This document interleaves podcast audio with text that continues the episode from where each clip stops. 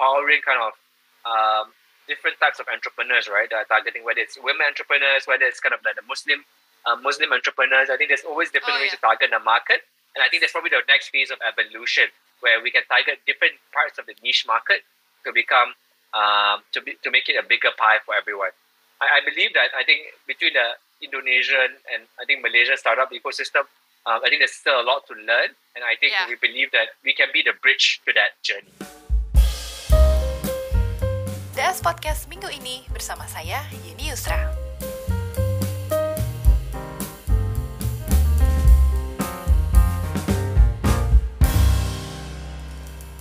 Hi Hamza, how are you? Hi, hi. Good afternoon. I'm very good, thank you. How about you? I'm fine, thank you. So you're in KL right now? Yes, yes. I, I just got back from Jakarta um, yesterday. Oh, okay. So Yeah. before we dive into conversation, maybe you can share with us what is RHL Ventures. Uh, Amateur Jump Ventures is a venture capital fund operating out of Malaysia. Okay. We uh, we invest all across Southeast Asia, and we're supported by some of the key um, governments, both in Southeast Asia and also in uh, North Asia. hmm So in terms of the category, is there any specific startup category that you are aiming for, or you uh, agnostic for now? Um, as mentioned, we focus on the Southeast Asian technology space.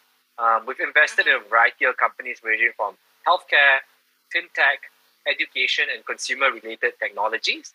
Um, the current focus of our fund is um, sector agnostic, but at the same time, there's a few thematic uh, factors that we are looking at at the moment, including um, the agri-tech and food tech scene. The reason we Oh. believe is that we believe that uh, food security is a regional issue and not, let's say, a country-specific issue. And learnings between whether it's in terms of um, aquaculture, whether it's in terms of the shrimp industry, whether it's in terms of supply chain. I think that's I, I find that there's similar problems that exist whether it's in Malaysia, in Indonesia, in Vietnam. Hence why um, I believe uh, uh, agriculture or food tech uh, approach is something that is transferable across the whole and scalable across the whole region. So talk to me about the difference between Indonesian and Malaysian startup. Is there any similarities, or in terms of the uh, services and the technology, they tend to uh, sh- uh, cater different market or different technology? Uh, what is your take on that? Okay, obviously, I think everyone speaks to kind of Indonesia having a huge population, right? But Okay. uh, I think if you compare that to Malaysia, I think in terms of GDP per capita, we are actually number three in Southeast Asia. Um, and I think it's about four or five times, depending on which number you take, compared to the average consumer in um, Indonesia. Um, so at the same time, uh, I think there's also a less competition in Malaysia if I compare to Indonesia. So usually, Okay. for example, if I take one sector, let's say quick commerce, there's in Indonesia, there's uh, Astro, Dropezy, there's so many uh, Banana, there's so many guys who are targeting the space. I think in, in, if you compare it to Malaysia, I think there's only probably one or two guys that are targeting that space. Um, Mm, yes, it is a byproduct of the market, but at the same time, what that means is that I think the companies that want to expand here, um, there's a probably relative competition, and there's also a higher ticket size that you can target vis-a-vis um, the consumers, let's say in Indonesia. But I think the good part is there's big similarities in terms of culture. Obviously, we speak a similar language, and I think in terms of I think spending time with the founders, I think there's an understanding of a lot of understanding on trust and on relationship in, in both countries. And so I, I think in the past, the cross-border relationships have not been maximized. I think there's only a few, a few companies have done so well. For example, um, Carsome, um, that's kind of built a strong base in Indonesia. I think in Malaysia, you see some of the likes of Xendit who are building a base. Um, but at the same Yeah. time, I think I think moving forward, uh, there's room for a lot more collaboration between Malaysia and Indonesia. Okay. So you've been uh, uh one of the porto- uh, Indonesian portfolio that you already have right now is three, right? So far, Happy Fresh, Kita Beli, and also Alami. Talk to me about the reason why you interested with them. Uh, is there any specific plan for you to implement it into their business, or is it something that you are looking for uh, for RL, uh, RHL Ventures? So I think for us, when we look at a company, we don't look at uh, the, the business model itself. We look at the founders, but at the same time, we look at the kind of the value creation that we can impact towards the company. Uh, so I take you Alami, for example, right? Yeah. Uh, look, met Dima through introduction um, from uh, Bandu, and then he, he basically asked us to look at the business. Uh, at that time, he was seed. I think Dima just came out of INSEAD, um, and he wanted to build a kind of Sharia P2P lender slash Yes. uh, obviously now digital bank, right? But at that time, it was probably just a, a P2P lender. Um, But at the same time, I think the, the regulations were just um, starting to form. And I think Malaysia launched their P2P market slightly earlier than that. Uh, so there were kind of like a longer term plan to come into uh, Malaysia, uh, given that there's a huge Muslim population as well. So when, when they come into the market, it's um, obviously I, I was an advisor for them for a while, and uh, I think the idea was Oh. always kind of come in, come with a bang, um, come in with like kind of the networks, the relationships with either the central bank, Securities Commission, all set, and kind of coming quickly. Obviously, this, is gestation period, um, so it takes time. Um, and any company, even we talk to a seed and we invest in, we don't expect them to come in immediately. But I think we build that pathway, build that, let's say, what are the relationships, who do you need to know, what companies do you need to look at, who you want to partner to move the business forward.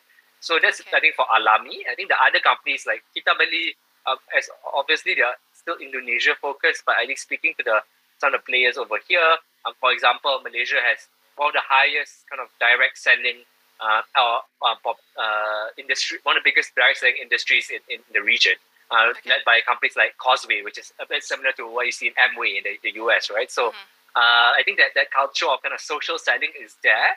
Uh, obviously, slightly different mechanics, or slightly slightly different products from what you see in Indonesia. But I think there's a lot of learnings that we can learn from both sides, and obviously build that cross-border path.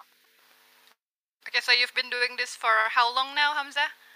Um, we've Uh, actually okay. We, we first yeah we first incorporated the business in 2016. We launched our first fund in 2018. So I think it's four years since our first fund. Um, and now Wow. obviously uh, we've grown the team, we've grown our portfolio, we've grown our Uh-huh. investor base, and it's an exciting journey. Um, Okay, so interesting.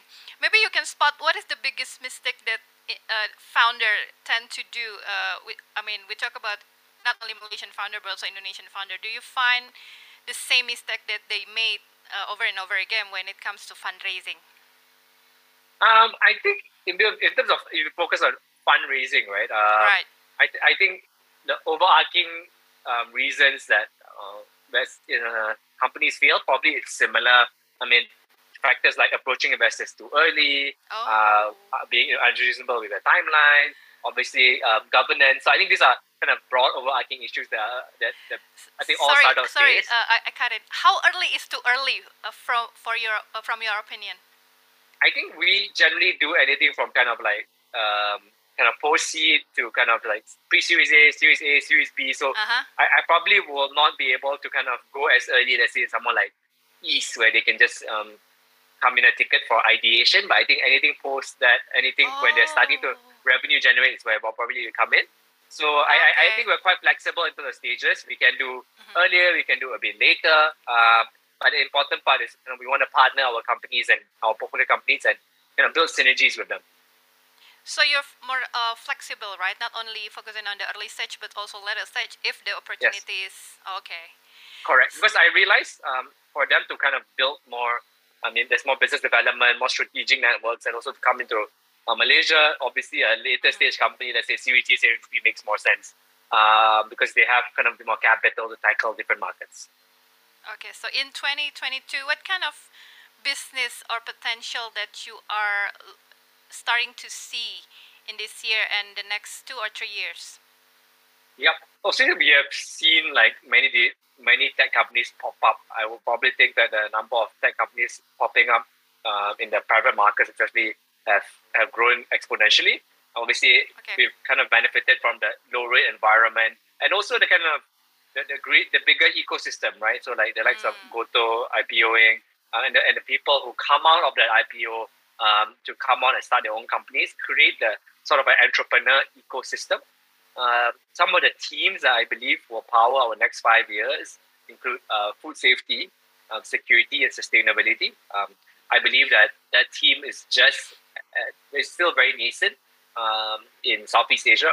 Obviously, there are companies who are target uh, who are later stage in that in that in their life cycle, but I think we're only scratching the surface. Uh, number two is I think empowering kind of um, different types of entrepreneurs, right? That are targeting whether it's women entrepreneurs, whether it's kind of like the Muslim uh, Muslim entrepreneurs. I think there's always different Oh, ways yeah. to target the market, and I think that's probably the next phase of evolution where we can target different parts of the niche market to become um, to be, to make it a bigger pie for everyone. I, I believe that I think between the Indonesian and I think Malaysia startup ecosystem, um, I think there's still a lot to learn, and I think Yeah. we believe that we can be the bridge to that journey. So, talk to me about uh, tackling climate change. Is there any chance that RHL Ventures will chime in into that? Um, we've looked at uh, uh, some of the teams that um, are along that. I wouldn't say I would Okay. say I wouldn't say specifically tackle that, but we look at companies in the solar space, for example, um, how to do Uh-huh. that in a smarter way. We've looked at companies to do kind of like uh, waste to energy or uh, energy management, and I think there's something different as well. So we honestly have not invested in any of these teams, but I think yet, it's something right? that not yet. So we we're constantly on the lookout. And if you look into kind of uh, Malaysia, there are large companies who target um, waste to energy. There's large companies who target solar. Hmm. Um, so I think it's just a start of things to come in the venture space. So, any plan to fund more Indonesian startups in the next month, probably, or you uh, tend to act like uh, uh, not only focus in Indonesia but also regional? I think the, the main three markets that we are focused moving forward is Malaysia, Indonesia, and uh, Singapore. I think those Oh. three. Um, we've invested quite heavily in uh, Malaysia and Singapore of our hibiscus fund. I think for us, Indonesia is still underinvested, and we are looking to do a lot more there. In terms of portfolio, if the portfolio allocation, we have allocated about a quarter of portfolio to, to the market um, because we believe that we can effectively build that bridge to the startup ecosystem over here, um, um over here and in, into Indonesia. Um, the, Okay. I think what we've looked at, I think I spent the last kind of one week over there in Indonesia. I mean, we've looked at companies um, across all sectors, and I think it's, I think there's a lot of guys who are doing well, and I think as we grow and we mature the ecosystem, I think there are a lot more guys who will kind of understand um, how to build that bridge and the effectiveness of kind of a bigger market. Okay, so uh, maybe you can share how do you? I mean, if if uh, the Startup founder for Indonesia want to approach you guys, probably sending cold email. Is there any email, LinkedIn, or a website that they can reach? Um, feel free. I mean, you can contact me directly. Um, at the same time, our our website uh, rhl.ventures and there's our info at rhl.ventures. You can always reach out anytime. Um, obviously, we have our network of co-investors um, in Indonesia as well. I think most of the VCs are our good friends. Uh, whether it's AC, Go, uh, Alpha, all these are our friends. So happy to kind of like also Yes. co-invest with them. Uh, I think we are really on the lookout for good entrepreneurs who are willing and, and wanting to make that bridge a connection to create that regional story. Okay. So Hamza, last question. Uh, are you considering uh, RHL is a very active VC in terms of funding, or you have certain of timeline or, or planning for, for each year to fund uh, each startups? Um, I would say we would probably invest in about one startup a month. I think that's the cadence Oh. that we are we are targeting. Obviously, uh, I depend depends who you're talking to. That's probably like on the low side for certain people. That's probably on the high side for certain people, right? But I think given the stage you're targeting, Series A and B, um, that's where probably the cadence that you want to follow. Uh, the reason being that we have a kind of investment period um, of about two two years, so we want to we need to deploy our capital uh, ASAP. Okay. Thank you so much, Hamza, for your time. Hopefully, Indonesian startup funders can reach you guys, right? More Please, and more anytime. Indonesian fund- funder can get a chance to get to know you. Perfect. Thank you so Okay, much. I'll Hopefully, I'll soon. catch you next time. Yeah, I'll see you soon when you back in Jakarta, okay? Hopefully. Take care. Bye, Hamza. Thank you so bye bye. much. DS Podcast minggu ini bersama saya, Yeni Yusra.